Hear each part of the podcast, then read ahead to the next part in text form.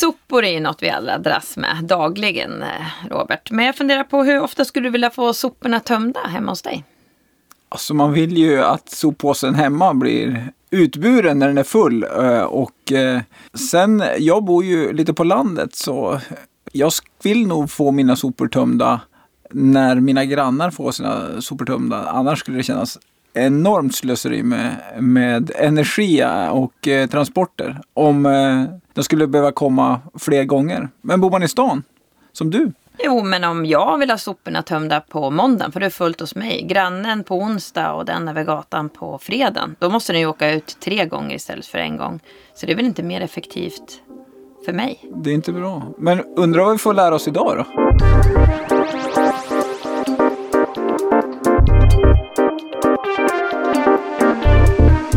Välkommen till Smarta Hem-podden med mig Malin Hansdotter och Robert Bäckström. Till vardags så jobbar vi på Stångåstaden, Linköpings största bostadsbolag. I dagens avsnitt ska vi prata om hur tekniken kan möjliggöra behovsanpassad fastighetsskötsel och vilka utmaningar det finns för att få det att fungera. Kan vi spara pengar på onödiga resor och hämta halvtomma soptunnor och skapa en bättre innemiljö? Vår reporter Rickard Lindholm, han har tittat mer på det här. Välkommen! Tack! Det känns jättespännande att göra det här avsnittet för att jag är kanske den sämsta personen att göra det här. Jag städar på torsdagar. Okej, och då blir din soppåse full. Ja, men så, kanske inte soppåse, men man tänker behov av städningen. Så oberoende om vad jag har gjort eller hur stökigt det är, Nej. så torsdag. Ja, du städar oav- även fast det inte behövs. Då är min fråga, Ofta du, behövs det kanske. är det du som städar eller har ni städhjälp? Nej, jag städar. Du städar, annars så har man städhjälp så kommer de ju oftast på en Det är speciell sant, dag. just det. Du Jag är är som min- en städhjälp till Jag är min egen städhjälp. ja, precis. Jag är bokad varje torsdag. Ja, det är bra. Nej, så, men det här handlar ju då om att mer då behovsanpassa fastighetsskötsel och sophämtning och allt, allt som ingår Det är i det väl- begreppet. Eh, generellt sett smart att behovsanpassa saker. Att man gör eh, saker för en orsak, för ett syfte och för att det verkligen finns ett behov. Det låter ju smart, Ja, men vi får se vad vi landar i efter det här avsnittet. Då. Men när du sa det så, så låter det ju onekligen smart. oftast så kan det ju låta lite smart när man säger det. Ja, men jag tror många har reagerat på att eh, det kanske hämtas en halvtom soptunna eller att en nästan oanvänd lokal städas någon gång. Men har de då tänkt in att någon ska ta sig dit och transporter? Och... Nej, Det är kanske inte är det man tänker på då. Nej. det, det är sant att här, det, ibland är det mer effektivt att göra när man väl är på plats. Mm. Men det finns åt andra hållet också när det missats att göra insatser till exempel vid eh, en läcka. Att man inte har då tagit tag i problemet där utan väntat tills det har blivit ja, ett, ett, ett större problem. Om man har behövt göra en större insats. Ja, Kanske för att man missat eller kanske för att man bara skjutit fram underhållet. Och då kanske någon har tänkt, finns det någon smart teknik som kan lösa det här? Det borde det finnas. Ja. nej, tack för idag. Ja. Det var det kortaste avsnittet vi har gjort hittills. Ja. Nej, men jag tänkte att vår första Om du intervjuperson... vill skicka in eh, andra grejer som vi kan prata om. Vi skickar in vår första intervjuperson här som får ansvara på det istället för att vi gissar här. Ja. Mats Flankör heter jag. jag. Jobbar på Kraftringen Fiber som är ett helägt dotterbolag till Kraftringen Energi AB. Jag sitter som affärsutvecklare på vårt stadsnät då, eh, vilket då eh, är en del av fiberbolaget. Där vi då sysslar bland annat med öppet stadsnät och fiberanslutningar men då även sensorkommunikation. För det låter kanske inte självklart varför han är med i det här avsnittet. Men det är inte bara fiber till de boende. Utan vad som gör honom väldigt aktuell för det här avsnittet är att de har ett LoRa-nät. Mm-hmm. där har vi ju då det billiga som kommer in. 5G är ju fortfarande, eh, överhuvudtaget mobilt är ju väldigt dyrt fortfarande. Och eh, det mobila behövs ju i vissa fall när om du ska ha videoströmmar som ska skickas live från en kamera som sitter någonstans eller om du ska ha ljud och tal och och liknande så behöver du ju de större mängderna. Eh, LoRa är ju dedikerat. Dels är det väldigt bra på långa avstånd. Du kan sätta en gateway och den har täckning upp till två mil bort om det är väldigt bra förhållanden. Eh, plus att tekniken är då gjord för väldigt små datamängder. Så att den skickar ett meddelande. Eh, du sätter in sensorn på hur ofta den ska skicka meddelande från fyra gånger per dygn upp till 144 gånger per dygn. Eh, och då talar den om att eh, om det är nivåsensor till exempel så talar den om fyra gånger om dagen vilken nivå skräpet i papperskorgen till exempel är vid. Och eller, eller, antingen det eller så sätter man bara att den ska tala om när det går över en viss nivå. Då skickar den ju bara när nivån är nådd. Vi har pratat lite om mobilt eh, tidigare, men för just de här lösningarna vi kommer att prata om idag så är det här perfekt. Där man inte har det behovet av tyngre data egentligen. Nej, precis. Utan det är bara ettor och nollor egentligen. Eh, mest. Så att, eh... Ja, exakt. Fullt, inte fullt. Ja, precis. Kommit upp till nivån eller inte. Mm. Och väldigt lång tid på batteritider. Det är väl upp till tio år på de här sensorerna som sitter i Exakt. Det, det är också just det att de skickar mindre. För tidigare var väl det här att man hela tiden pingade för att se om det var så. Och då blev, blev det mycket tyngre kommunikation där. Om man hela tiden skulle känna så här, vad, vad händer? Så det stämmer absolut, de håller bättre batteri och eh, just den här längden. Jag är väldigt imponerad. Två mil på en gateway. Det är... Ja, och skulle man kanske komma in i, i stan så om man pratar ändå kilometer eller hundra meter, det är ju det är, det är långt ja. också. Liksom. Men som sagt, inte, ska du ha en videoström till exempel, då, då går det inte med den här tekniken. Det, mm. det, den är ju begränsad, men perfekt för de här typen av eh, lösningar. Så nätet finns alltså, men hur långt har tekniken kommit? Jag tror vi har kommit ganska långt. Tittar man, vi, vi Kraftringen har ju då valt att gå med i något som heter Statshubsalliansen. Så vi har ju ett utbyte inom Statshubsalliansen där vi träffas en gång i månaden på både ett teknikmöte och ett marknadsmöte där vi delar med av våra erfarenheter och, och vilka projekt vi har haft. Eh, och, och där är väldigt mycket Eh, projekt på gång och testas väldigt mycket. Eh, tyvärr så är väl inte mognaden där riktigt än. Alltså alla tycker det är roligt, det är fantastiskt. Man ser vad det kan ge. Men man har inte riktigt kommit där att man kan fasa in det i sin organisation. Vi har ju någon större kund till exempel som gjorde ett projekt där man satt ut eh, för stadsplanering då, där man satt upp för att man ville mäta flöde i staden och hur för framtida stadsplanering. Hur ofta används en parkbänk till exempel eller liknande. Så, så, och det föll väldigt väl ut och man kunde i projektet visa att det här hade verkligen betytt någonting men när man sen ville utöka detta i den offentliga, alltså i organisationen i företaget så fick man ändå uppifrån ledningen trots att kostnaden inte var så stor att nej men det är nog bättre att ni som hållit på med det här fortsätter med det ett tag till. Vi ser att det är bra men ni får fortsätta. Vilket gjorde att alla de som var i projektgruppen har ju andra jobb också. Då, då ramlar det ju lite mellan stolarna tyvärr. Man, man tar inte det riktigt hela vägen. Menar han med nätverk då eller? Nej, det man hade gjort här var väl ett test då för att se var man behöver parkbänkar. Vilka som används och eh, var man då skulle kunna ha behov av flera och vilka som man egentligen skulle kunna ta bort för att de inte används. Det är en sån grej som är svår att kolla upp om någon ska gå runt och hålla koll på det här. Här satt ingen, men där satt någon. Dels lite misstänkt någon som går runt och tittar på det. Sätter streck liksom på en, på en lapp. Håller på ett år. Ja, precis. Nej, men och att det projektet så har man visat då att så här, vi vet att vi behöver förstärka här, vi kan ta bort de här, vi ska kunna flytta dem kanske hit. Mm. Men, eh, och då vill man såklart att vi borde applicera det här på, i större skala. Då är man mer att man vill hålla det som ett testprojekt Ja, Man vill inte äh, växa upp med det här.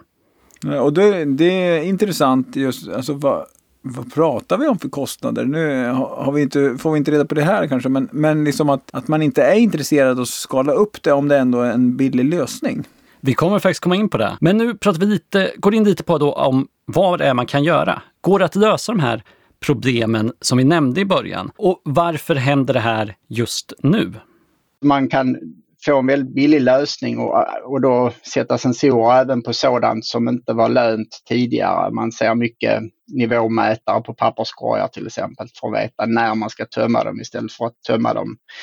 Eh, livbojar är ju en sån sak som kommit upp mycket. Det, nästan alla de flesta städer ligger ju inte vid vattnet men nästan alla har ju sådana här dagvattendammar eller liknande där man måste sätta upp eh, livbojar till exempel. Och där har man ju en person som åker runt och ronderar dem Eh, för att se att de sitter på plats. Nu kan den personen eh, ha fort, fortfarande samma jobb egentligen men han behöver inte rondera dem hela tiden utan han får ju en indikation när den har rört sig ur läge eh, och oftast då också var den ligger så man kan återhämta den. Man behöver inte skaffa en ny till exempel. Ja, men det, och det där lät ju väldigt intressant med, jag menar, med eh, räddnings... Eh, frälsarkransar så att säga. Och slippa åka omkring och, och lägga dum tid på det. Det är en väldigt så här, tydlig, enkel lösning. Där du, precis som du var inne på i början där, man etta eller nolla. Sitter den på Ja. eller inte? Ja, precis. Jo, du pratar om att han lägger massa dum tid på det. Men det är ju också att han kan åka fel rutt. Han måste ju ändra rutt efter vad- där de har försvunnit. Ja, men precis. Att Mm. man,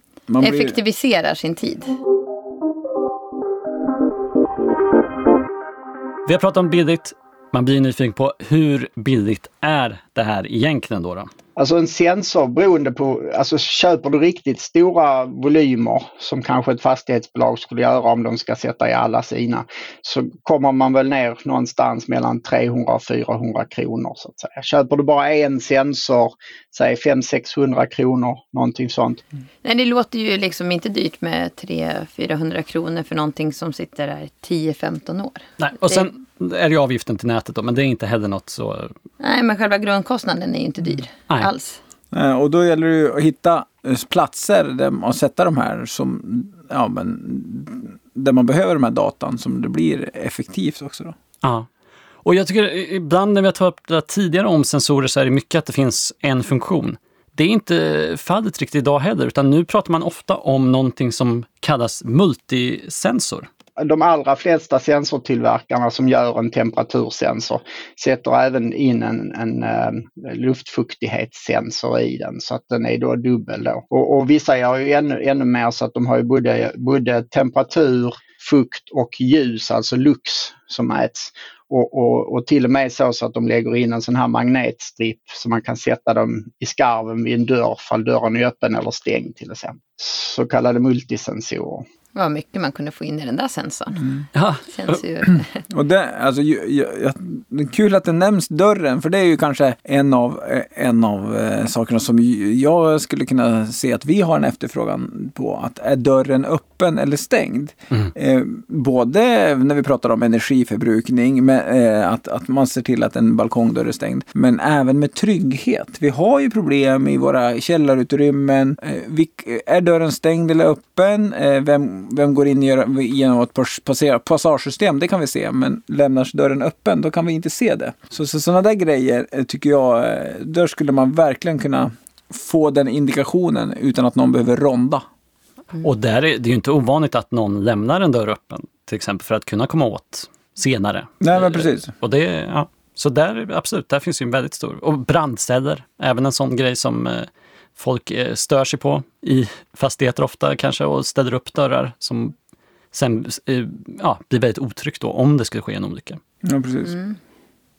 Och där är ju äh, ansvars... Både graden av allvarlighet som kan ske om, man, om, om det blir fel där i brandcellerna och, och ansvarsfördelningen också. Det är ju, det är ju bygg, byggherren och den som är ansvarig fastighetsägare som, som får det. Liksom. Men vi ska egentligen prata fastighetsskötsel och underhåll där. Så låt oss höra lite mer exempel på vad man kan göra, eller vad man har testat med de här sensorerna då, ute i landet. Vi har ett bolag till exempel som heter Sensfarm som har koncentrerat sig på just det här med fuktighetssensorer, rabatter och liknande. Och de levererar ju en helhetslösning så de kan ju sälja till en privatperson också. Eh, men då levererar de en app och en sensor och så sätter man sensorn i marken. Jag vet inte vad deras direkta tjänster kostar så att säga men ett exempel är ju, man gjorde ett projekt med eh, Nordvästra Skånes renhållningsverk där, där man då eh, satte sensorer i villasoptunnor. Och istället för att då ha en nivåmätning i villasoptunnan så, så hade man en, en liten spak som villaägaren själv rör när de vill ha sin eh, soptunna tömd så att säga eftersom eh, vissa vill ha det ofta kanske andra mer sällan men idag så är ju allting schemalagt efter en viss tid så man får rätta sig efter den. Och det slog ju väldigt, väldigt väl ut där man fick en helt annan, tror man räknar på att man fick ungefär 20, eh, effektiviserade med 20 procent eller något sånt, kom ner i kostnader och kunde ändå då tömma och ha extra tjänst till privatpersonerna som då off, vill ha tömt oftare. Hade du en kräftskiva så vill du kanske ha den tömd dagen efter. Så fick de ju betala utifrån hur ofta de ville ha den tömd. Men, men bilarna gick ju ändå, kunde planeras in i rutter utifrån att, att de visste när folk och hur fullt det var och när folk ville ha dem tömda. Då fick du ju svar på din fråga. Att eh, det kanske är ganska effektivt även att tömma grannens soptunna och inte din. Ja, fast jag är nog ändå inte... Då gjorde de rutter efter det här. Och det kontra det andra då. Det känns ju som att de måste vara ute i områdena ungefär lika mycket ändå. Fast de tömmer mer eller mindre när de är ute. Ja, och det är frågan hur stora, eh, ja, hur många gånger de måste fara och tömma ändå, liksom, eh, i, alltså tömma bilen. Hur många soptunnor de får in i en, i en bil. Mm. Men det är ju inte helt olikt hur man tänker när vi kör ut saker. Att man vet vilket behov som finns, var, var man ska hämta upp saker och sen planerar en rutt då efter det. Men här är det hämtade. Här är det hämta istället. Ja. Ja, nej men det är ju som han nämner, det vore ju fantastiskt att få tömt det dagen efter kräftskivan. är det liksom första dagen på de här 14 dagarna, då är det inte så kul mitt i sommaren att ha den när sop, sopen står där. Så att, eh, ja. Ja, Det måste ju hända idag att folk planerar faktiskt sin kräftskiva efter när sophämtningen är och inte tvärtom då. Men i Linköping kan man ju betala för extra sophämtning. Men då kommer de ju och hämtar bara hos mig och det kan inte vara effektivt någonstans. Men det kan du ändå beställa dagen innan om du vill ha en extra sophämtning. Vad heter det, kostar det eh, så här skyhöga priser eller? Jag vet inte om det ens är prisvärd. Eh, Jag vet inte, jag har bara gjort det en gång och det var för att eh, jag hade glömt att dra ut tunnan så de tömde inte. Och man klarar ju inte fyra veckor utan att tömma. Jag kollar faktiskt inte upp vad det kostar. Men jag tror att det är dels betalar du såklart för kilo och sen blir det väl en extra utkörningsavgift. Ja, just det. Ja. Men det är ju en tjänst som ger mervärde och möjlighet att göra nya affärer på. För vissa har större behov. Ja men precis. Och sen eh, den här kundnyttan skulle det kunna vara. Alltså det, vi, vill ju, vi människor vill ju bestämma mer själva. Idag vill jag häm- att den ska hämta in, eh, sådär. Eller imorgon så vet jag att jag ska ha kritskiva. Så då vill jag att de ska hämta imorgon. Men här pratar han om någon spak faktiskt, en- som man ute på soptunnan Exakt, så att Ja. man kunde välja. välja. Men då känns det ju som jag skulle vilja göra min app. Att eh, jag vet ungefär, vi kommer vara i sommarstugan den här veckan men inte nästa och då, då kan ni komma och hämta på torsdag om tre veckor. Det känns ju lite enklare än att vara Ja. ute och dra i en spak. Man skulle ju vilja ha allt och liksom, de här dagarna kan du välja på den här veckan. Vilken dag vill du ha hämtning eller inte alls? Ja, men det är klart. Och det måste ju, det kan inte vara det svåra i den att eh, Nej, så. du kan ju trycka i extra hämtning nu men Ja. du kan inte ta bort hämtning. Nej, och då, men då har, det har ju ingenting med LORA att göra. Och det har ju Nej. ingenting med sensorn att göra heller. Nej, det har det inte. Exakt. Nej, och det här, nu är det ju en på och av-knapp. Det skulle lika gärna kunna varit en sensor som var, nu är den full. Ja, men du, då då skickar det sen så automatiskt. kan du ju använda och tala om att eh, du borde nog be om en tömning om två dagar. Alltså att sensorn skulle skicka... Den kan ju skicka ett ping till mig. Ja, och så bestämmer du. Så bestämmer jag än att jag ska gå ut och dra en spak på soptunnan. Vi är väldigt förtjusta i soporna här. Ni, det var ju rabattexemplet också, var inte det häftigt? Ja, Ja. Men tänk, eh, då uppfattar jag att det var om det är torrt eller fuktigt i, i rabatten. Då. Ja, att vi kan få en indikation på att nu behöver vattnas. Det skulle jag gärna ha. För vi åker ju hem från stugan bara för att vattna gräsmatta och häck. Ja, då kanske det har regnat i, över I ditt stan, hus. ja. Just. Så då skulle jag ju kunna få en ping att nu behöver du åka hem och vattna. Eller då borde jag kunna sätta på vattnet från stugan bara. Och jag tänker ju liksom vi som är stora fastighetsägare i Stångåstaden, ja, vi har ju enormt många grönytor och, och så. Och eh, det är ju ol, olika grönytor eh, kräver olika mycket vatten så att säga. Så det skulle ju kunna effektivisera och minimera både tid och resurser i vattningshänseende. Eh. Ja, ja, ja, precis. Och vilket läge de ligger i också. Ja, Beroende precis. på hur mycket Och då känner hur torkat det blir. Ja. Det känner den ju av. Så att det, för nu åker de ju de, En rutt. ja, de åker ju runt och så tittar de ju om det behövs. Och behövs det så vattnar de ju. Så, så, Mm. så det, De kan spara resa. Mm. Mm. Jag skulle vilja ha en sån hemma. Jag har jättesvårt för mina växter att överleva. Du tänker i blomkrukorna? Ja. Men då måste priset komma ner på de här sensorerna. 400 kronor per blomma för att... Och sen att ansluta till ett nät. ja, ja, precis. Jag tycker det är väldigt kul med de här exemplen. Så vi kör ett eh, trafikexempel också. Det är inte, nu börjar vi komma bort lite från fastighetsskötsel. Men det är lite intressant ändå för fastighetsägare, för parkering är någonting vi pratar mycket om. Eh, Lunds parkeringsbolag, där håller vi på att titta på. De vill ju gärna på något sätt hitta ett sätt att kunna tidigt indikera från bilist att en parkeringsplats är ledig. Dels vill de ju veta själv hur, hur många av platserna används och var parkeras det mest. Men de kan ju också ge tillbaka till bilisten för ungefär 30% av allt koldioxidutsläpp i en stad idag beror på att folk kör runt och letar efter parkeringsplatser. Kunde man då i ett samarbete till exempel med en av de här mobilparkeringsapparna redan innan man kör in i stan skriver att jag ska till den adressen med, i min GPS till exempel då. Eh, så får jag reda på att här är fem, sex platser som just nu är lediga. Då kan man köra dit direkt.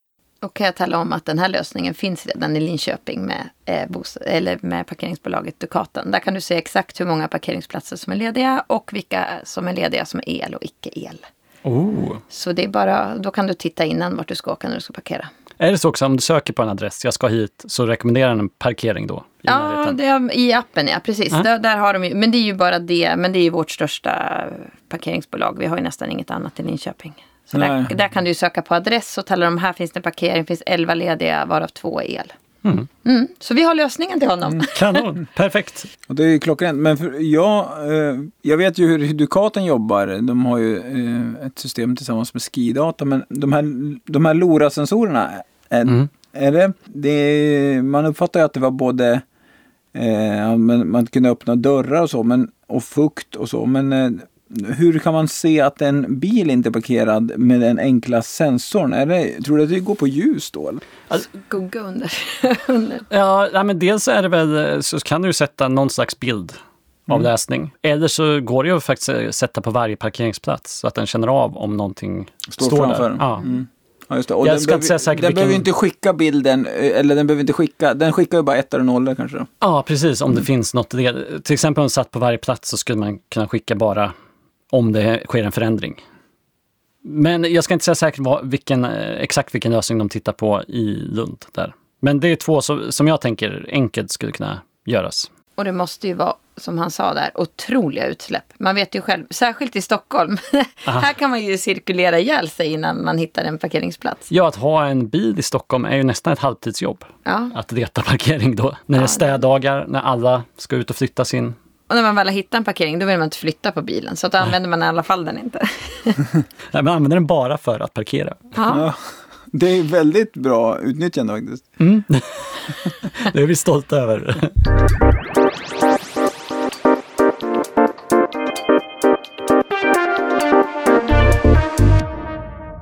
Så eh, nu har vi fått lite indikationer på att den här tekniken finns, att det är möjligt att spara pengar med den och framförallt att det kan ge en bättre boendemiljö. Så då undrar vi, vad är det som är problemet egentligen? Varför finns inte det här överallt? Och det tänkte jag att vår nästa gäst ska få prata lite om. Jag heter Daniel Svensson. Jag är VD på ett konsultbolag som heter Energy Service Management. Nu kommer vi komma upp till en ny så här sexighetsnivå i Smart Hem-podden. Vi ska prata budget. Oh. Excel-ark. och innan vi drar igång här så några brasklappar. De stora pengarna som finns att tjäna är ju inte sophämtningen eller städningen egentligen, utan det är ju energieffektivisering. Som, eh, där, där det, går att göra stor skillnad. Det är där pengarna ligger? Liksom. Ja, det är där vi kanske slösar mycket idag för, på grund av att det är föråldrade lösningar i äldre fastigheter. Och det som Daniel är expert på är egentligen offentliga fastigheter, sådana som ägs av en kommun. Skolor, gymnastikhallar, den typen av fastigheter är främst. Men samma problematik gäller egentligen för övriga fastighetsbeståndet också. Men det är kanske inte riktigt eh, lika illa eh, där. Så vi hör lite hur läget idag är. Situationen är, om vi pratar offentlig sektor med allmännyttan så eh, har vi ett enormt skuldberg att ta tag i. Och det bygger ju på att vi byggde upp Sverige efter andra världskriget på 50, 60, 70-talet. Och de husen som består eh, eh till 98 procent av den totala volymen offentliga byggnader nästan, de har ju inte fått så mycket kärlek de sista 30 åren. Man har ju mer eller mindre på många kommuner och mycket allmännyttor gått över till akutunderhåll. Så att eh, vi brukar räkna med att om man har 14 000 invånare i en kommun så har man ungefär 100 000 kvadratmeter lokaler, skolor, förskolor, gympahallar. Och då går akutunderhållet på ungefär 10 000 kronor i timmen. Och det är ganska mycket pengar för att lappa och laga som, med åtgärder som inte håller särskilt länge och inte blir särskilt bra heller. Han eh, verkar snegla mer åt långsiktighet istället för att släcka bränder. Tycker du? Ja, det lutar åt det hållet. Ja. Vi, vi var ju nyfikna på hur mycket pengar han anser att eh, det går att spara på det här. Vi räknar med att eh, om, om alla svenska kommuner och landsting skulle göra bara de lönsamma åtgärderna och det definierar vi som att besparingen matchar kapitalkostnaden första året. Så skulle vi kunna sänka energikostnaden med ungefär 10 miljarder om året. Otrolig summa. Det är ju ja, stora summor han pratar om. Nu ska vi säga att eh, Det- han är ju konsult och han säljer den här tjänsten. så att eh, man kanske, ja, Och det, och det är hela Sverige och då, Ja. ska man, då ska man veta att det är rätt många kvadratmeter. Och, exakt. så att, eh, men det är ju, det finns potential kan man säga. Verkligen. Och det som Daniel menar är problemet i varför vi har hamnat här är vad som kallas budgetstyrd förvaltning. Någonting som han hatar. Jag hatar och hatar men jag tycker det är ganska bekvämt för de som håller på med det. Man eh, vet ju det att eh, det gäller ju från staten och ner till kommunen att man har ju ett sånt här eh, utrymme, expansionsutrymme varje år. Det beror ju på att vi blir fler människor i Sverige. Då ökar ju skatteintäkterna. Sen blir vi något effektivare i, i privat sektor så då det är ett mellanutrymme och det spenderar man ju på nya uppgifter åt eh, den offentliga sektorn. Det vi eh, upptäcker då är att man lägger oerhört mycket tid på att eh, budgetera och diskutera och sitta i mängder av möten. Men oftast resulterar det att man tar den förra årets budget och indexerar upp med en eller två procent.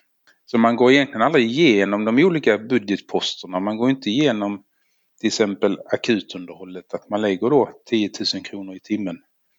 Eller man går inte igenom energibudgeten, att den i snitt ligger 80 procent högre än vad den borde vara i en kommun. Tycker han är, är skön. han, han, liksom, eh, ja, han har ju verkligen pekat på rätt grejer. Men, och sen, och, och, det är inte så att han har fel. Alltså, jag har inte suttit i någon kommunledning men jag har suttit i, i, i styrelser. Och när man gör en budget så tittar man ju på förra året och så är det, är det ska vi höja lite eller ska vi sänka lite? Eller så. Man, eh, man gör ju inte liksom, det, är- det är ju sällan man tar bort någonting och så sen, och för att få en annan budget, då måste man troligtvis göra på ett annat sätt. Ja, Det är det. För att få ett annat resultat måste man göra på ett annat sätt. Och eh, det, det orkar man ju inte i budgetarbetet. Eh, Jag, jag tror att det sitter där. ja nej, det, och det är det han menar också är eh, den stora utmaningen. Att eh, kunskapen kanske saknas. Eh, Och att man inte pratar med varandra mellan och identifierar var behoven faktiskt finns. För det här var ju då vad han kallar budgetstyrd förvaltning. Alternativet till det är vad som då kallas behovsstyrd eh, förvaltning. Då går man ju verkligen ut och tittar vilka aktiviteter kan man genomföra. Vilka är nödvändiga via lagstiftningen, vilka är nödvändiga via lönsamhetskrav. Och då får man ihop en helt annan budget. Oftast så blir det ju att man behöver investera väldigt mycket. Men man kan ju dra ner då driftskostnaderna så att totalkostnaden går ihop sig. Så att eh, det kräver betydligt aktivare förvaltning för att sätta ihop en, en, den här typen av budget. Så ta kostnaden nu för att sen spara pengar i långa loppet. Och det, det kan ju låta enkelt, liksom, men jag förstår att det, det är fastighetsägare eller, och kommuner och ja, men generellt som ja, men de har inte mer investeringsutrymme. Liksom, så att säga. Men eh, jag tror ju, alltså, där har ju alltså medarbetarna, kompetenta medarbetare som är drivna och som är kunniga och som kan säga att ja, men, kan visa att gör vi det här nu då kostar det så här mycket, men då kommer vi spara så här mycket. Men, men till skillnad för de som sitter och tar, tar besluten i budgetprocesser så, så de kan inte vara så aktiva för att de har inte den rollen eller den kunskapen. Men där tror jag att eh, medar- liksom de, de arbetarna de som jobbar med det här, det är de som behöver både lyssnas på men också ta ett ansvar Mm. för att det ska bli någon förändring. Ja, och eh, även eh, där så är det kanske ett, lite ett silotänk, eller ett siloupplägg snarare, som kan ställa till det. Även om man eh, kan identifiera de här så kan det fortfarande bli problem i eh, Eh, budgetprocessen beroende på hur vi jobbar med dem. Man delar ju upp budgeten på eh, driftsenheten och sen delar man upp det på projektavdelningen. Och sen är de ju sällan sammankopplade då så att eh, man sitter ju aldrig och diskuterar när man bygger ett projekt. Ska vi investera 10 miljoner extra för att få en betydligt lägre driftskostnad de närmaste 50 åren? Utan projektchefen mäts och belönas på att hålla sin investeringsbudget. Eh, och då finns det ju ingen anledning för honom att spendera 10 miljoner extra. Eh, och driftspersonalen mäts ju på att hålla sin driftsbudget.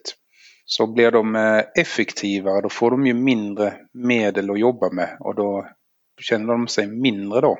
Det ligger ju mycket i det han säger. Ofta så är det ju samma pengar i slutändan men man delar upp det i, i små, små påsar och då är det ingen som vill lägga en stor påse mitt i allt det där. Det finns felavhjälpande pengar och så finns det underhållspengar och så finns det projektpengar. Och de eh, är, som man säger, ligger i olika påsar. Ja. Och det här kan man väl lite känna igen hur man är själv hemma också. Man vill inte göra de här stora insatserna eh, ofta, utan man kanske lappar lagar eh, tills det inte går längre egentligen. Nej, precis. Och till slut så faller putsen ner och då, Ja. då behöver man göra det. Ja, men det är väl ett, utmärkt exempel på någonting som man skjuter upp in i det sista. Ja, precis. Och, och då, då har man kanske bara resurser till att putsa istället för att tilläggsisolera och putsa. Ja. Och sen för att finansiera de här eh, investeringarna som då skulle behövas göras, eh, skulle det innebära att kommuner skulle behöva låna pengar. Och där är vi ju ganska försiktiga i Sverige. Ja, jo men det är vi ju. Men det, det är, ju, är ju kanske, om vi tittar nu när det har varit eh, som covid och lite kriser och så, då är det ju ganska bra att vi har haft lite i, i kassan. Men å andra sidan så kanske man ska se det här i ett långsiktigt perspektiv och då kanske det är bättre att göra investeringarna nu.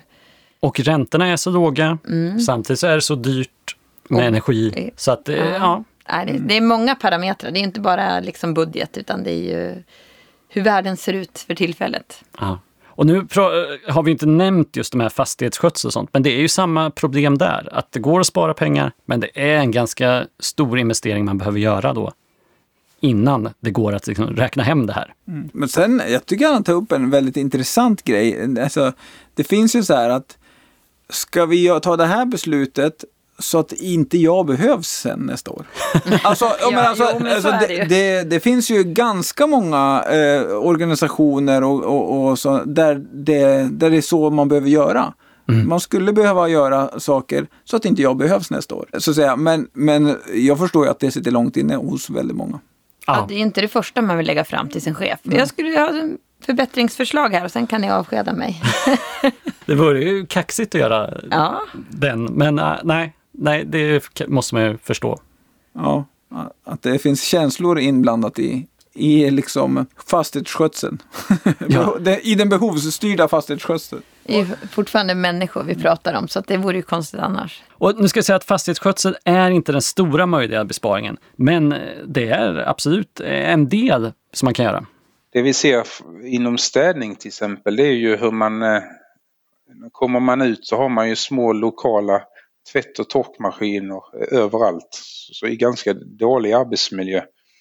Det kan man ju rationalisera och eh, det finns idag teknik som gör att man kan tvätta utan tvättmedel och sköljmedel. Som är superrent vatten. Vilket då kräver mindre eh, energi, mindre, alltså noll tvättmedel vilket sänker driftkostnaden. Men då måste man ju göra om logistiken i kommunen lite på hur man ska skicka sin tvättutrustning till det tvätteriet för att sen skicka tillbaka det. Så det finns vissa kommuner idag som har påbörjat den resan och är väldigt nöjda. Ultrarent vatten. Det har man hört talas om, men eh, jag har inte testat den. Nej, Nej. och hur går det till liksom rent? Det kanske inte du vet. Jag tror men... lite trolleri. Ja, det låter ju helt fantastiskt liksom.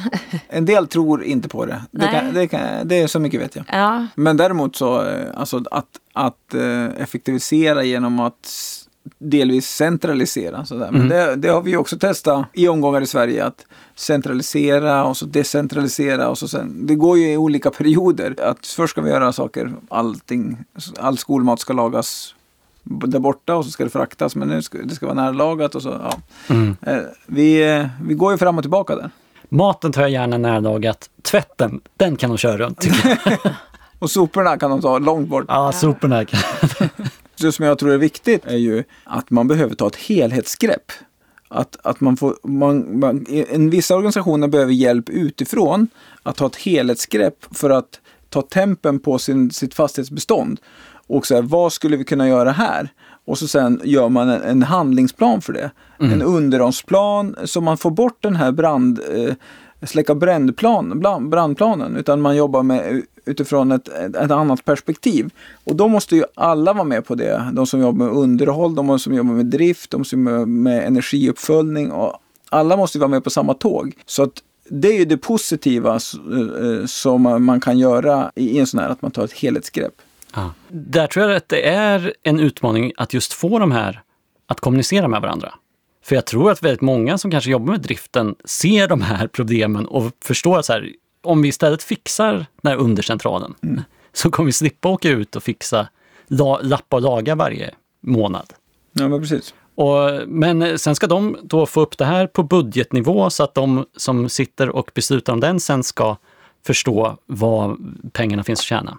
Mm. Det, ja. Och de har inget intresse att slänga in så mycket pengar det året säkert.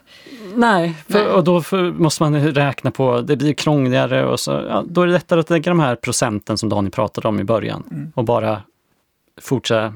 Vad är det de säger i den här eh, sketchen som alltid går på nyår? Grevinnan och betjänten. Same procedure mm, as, last, last year. year. Men det vi ska säga i motsats till det här, det är ju att det finns ju väldigt många fastighetsbolag och, och organisationer och kommuner och landsting som inte jobbar eh, så här utan har ett helhetsgrepp och har ett, ett långsiktigt tänk som jobbar eh, med, eh, inte med att släcka bränder framför allt, utan att, ett, utan att se eh, rusta och, rusta och, och, och eh, men fånga de här eh, energitjuvarna och så vidare. Ja, och absolut, det finns goda exempel och egentligen kanske det man ska lyfta upp mer än att prata om alla de här problemen. Men jag tänker att det, att det kunde vara intressant också att höra någon som verkligen har hittat det. Ja men absolut, och han belyser viktiga punkter. Ja.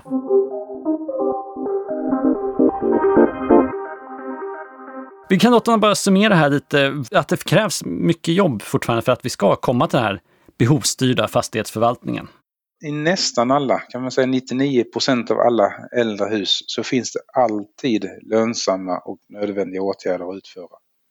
Det är väldigt sällan vi kommer ut till ett hus där vi inte hittar någonting.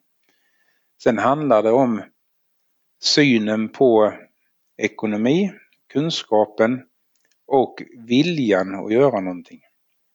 Och jag tror att om vi tillsammans eh, får ut det positiva budskapet om att satsa på offentlig fastighetsförvaltning, se till att sänka energikostnaderna så kan vi tillsammans i Sverige skapa väldigt mycket bra arbetstillfälle.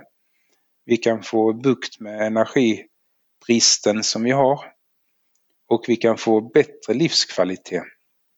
Och en sak som vi ser från dansk forskning det är att eh, får man rätt inneklimat med temperatur och ventilationsflöde då ökar resultaten på matematikproven med över 20 procent. Och det är väl ändå bra resultat vi ska producera i skolan för våra barn. Mm. Ja, det, låter ju, det låter ju självklart eh, sådär. Så är det ju i alla grejer som, eh, som drar energi, drar pengar, drar eh, kostnader, eh, vad som helst. Det, det är ju sådana grejer som man måste ta tag i. Och som, eh, ja, men det är ett helhetsgrepp som krävs. Och det måste ju komma från ja, både eh, ledningen men måste implementeras av, av de, som, de som arbetar i driften. tror jag. Verkligen. Och eh, Mats på Kraftringen som vi pratade med i början, han eh, känner igen delar av den här beskrivningen på vad de möter för utmaningar. Ja, det är, det är lite det där att det ena, kostnaden kommer ju ändå först. Du måste ändå någonstans sätta upp en organisation för att hantera det så att säga, som är en ny kostnad som inte har funnits tidigare. Eh, sen gäller det ju också väldigt mycket, framförallt när det gäller offentlig verksamhet så, så handlar det ju inte bara om eh, att effektivisera och ta bort jobb utan det gäller ju att förändra jobb lite grann också. Så, att, så att jag tror inte att många kanske är rädda att vi, vi pratade med ett annat kommunalt renhållningsverk eh, och de var inte egentligen intresserade alls. Och det kändes som att när vi kunde visa vad man hade gjort uppe i det här andra exemplet jag berättade så, så kändes det som att de tänkte att det skulle vara mycket färre runder och man, man, skulle då få avskeda eller chaufförer och liknande.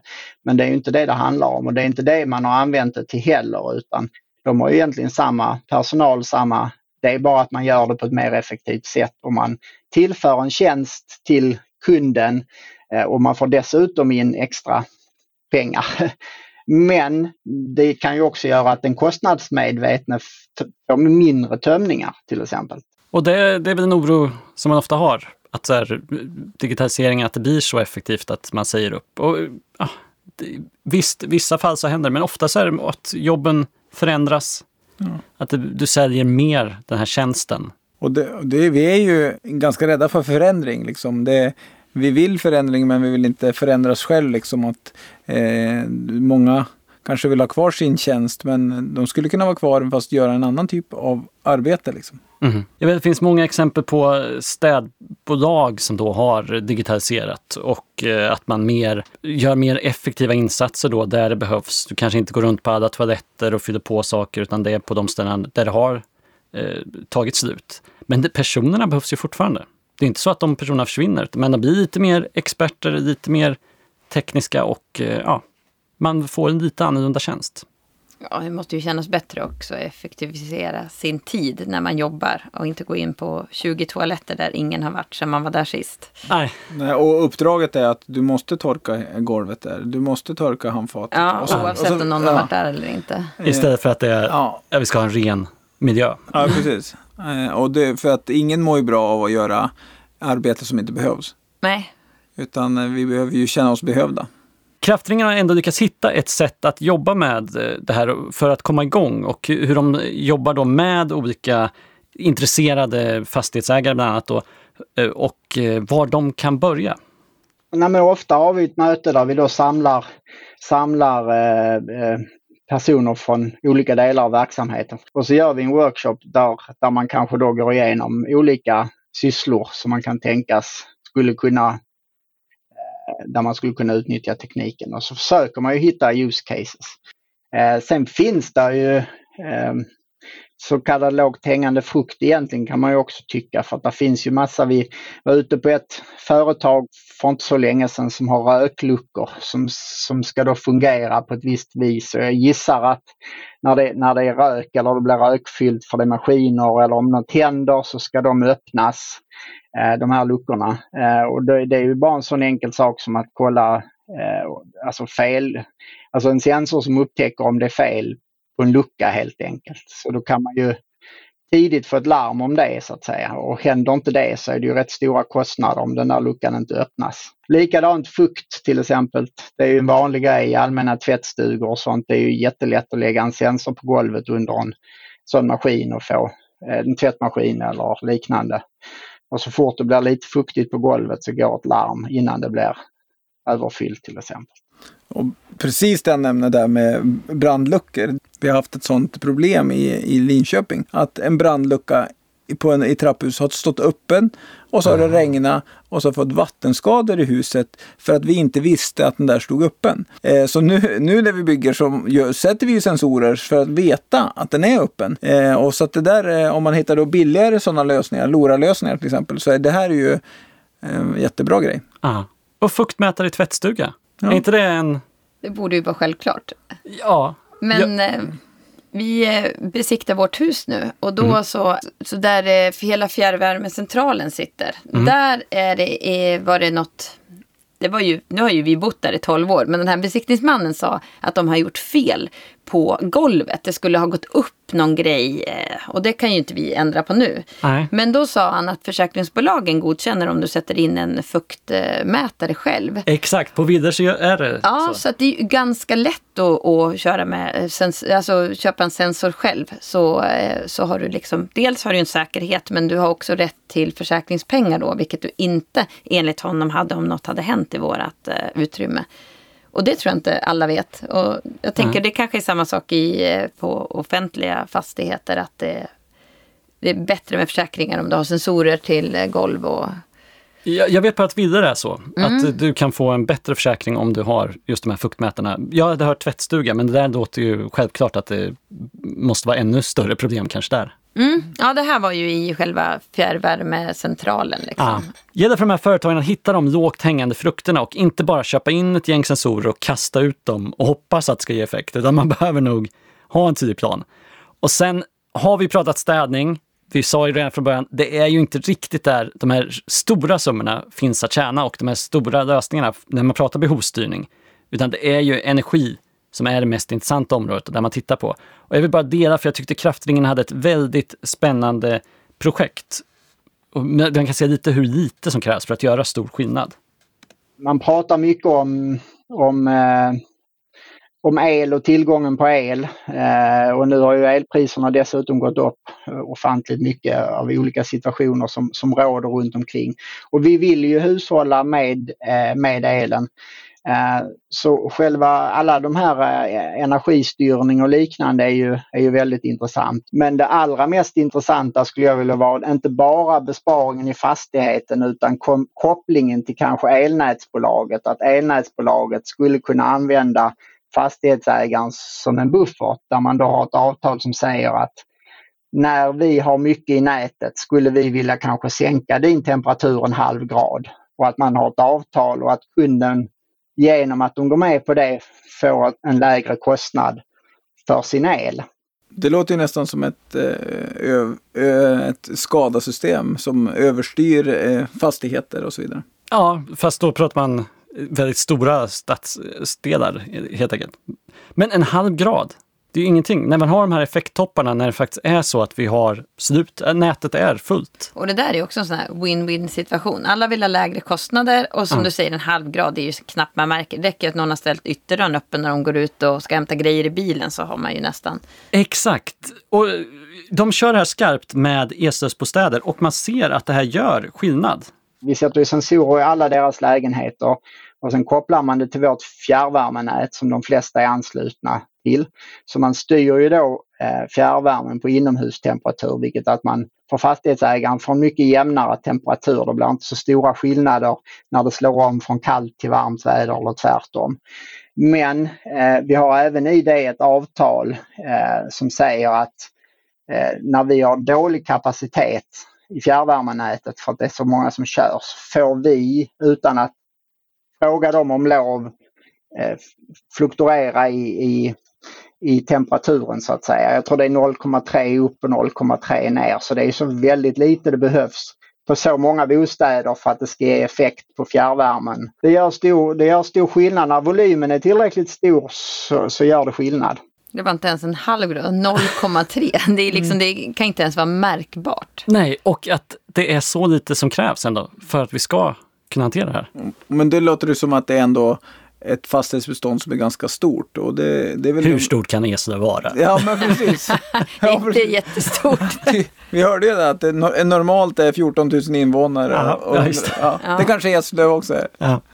Nej, men det är väl fantastiskt när man kan göra sådana där lösningar med så en liten, eh, liten ändring. Ja, och där är återigen som vi har varit inne på podden många gånger, det här samarbetet mellan olika aktörer. Tänk vad vi kan göra tillsammans när vi samarbetar och vi eh, öppnar upp för varandra att, att eh, vara, vara sitt bästa jag. Liksom. Och som jag ofta kommer in ändå på också tycker jag, sensorer är lösningen på allt. Ja, Ja, alltid. precis. Ja, men då dela med sig också. Det är ju svårt att veta att man ska jobba tillsammans om inte... Att man är duktig på att dela kunskap med varandra så man får med, alla kan vara med på tåget. Ja, och det tycker jag också har kommit fram här, liksom det här, det, det viktiga. Vi vet väl inte knappt vad vi kan göra eh, i våra hus eller våra fastigheter eller så. Men att ha såna här workshoppar, att brainstorma och så ha med sådana som jobbar med sådana här nätverk eller med sensorer. Och så sen säger jag, pratar jag om någonting med, ja men eh, pratar jag om livbojar till exempel. Då kanske ja, men det är jätteenkelt att lösa det. Jaha, eh, alltså att, man, att, att vi nätverkar med sådana som, som har kunskap. Då kommer vi kunna skapa jättemycket grejer. Ja, och ta med de som jobbar med driften. Ja. För jag tror där finns det, de har identifierat behov Som, För länge, länge sedan. Men de har ingen som har hört dem. Nej, precis. Ja, men det tror jag faktiskt. De har försökt. Men man ger väl upp till slut också när man sköter driften. Att det är ingen som hör vad de ropar. Nej, precis. Nu löser jag det här själv bara. Ja, Släcker branden. Sen går, klart. sen stämplar jag ut och går hem.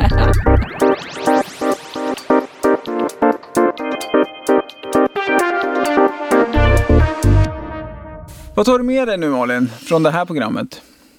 Jag tar med mig ensam är inte stark, tillsammans blir vi bättre. För det är ju det vi får, kommer tillbaks till hela tiden. Vi måste lära varann, vi behöver öppna upp dörrarna för varann, berätta om våra behov eh, och problem och, ha, och ta in experter som kan hjälpa oss. Och jag tar med mig liksom att ja, det finns ju enklare lösningar än GSM-nätet och, och wifi och uppkopplade grejer. Utan eh, det finns faktiskt eh, andra sätt att eh, skicka enklare meddelanden och eh, information som vi kan använda mycket mer tillsammans i ett eh, i nätverk. Om du har förslag på vad vi ska ta upp kan du alltid mejla oss till podcast.stangastaden.se. Du har lyssnat på Smarta Hem-podden med mig Robert Bäckström och med Malin Hansdotter. Våra reportrar är Rickard Lindholm och Josefin Svenberg. Podden ges ut av Stångåstaden och produceras av Edison.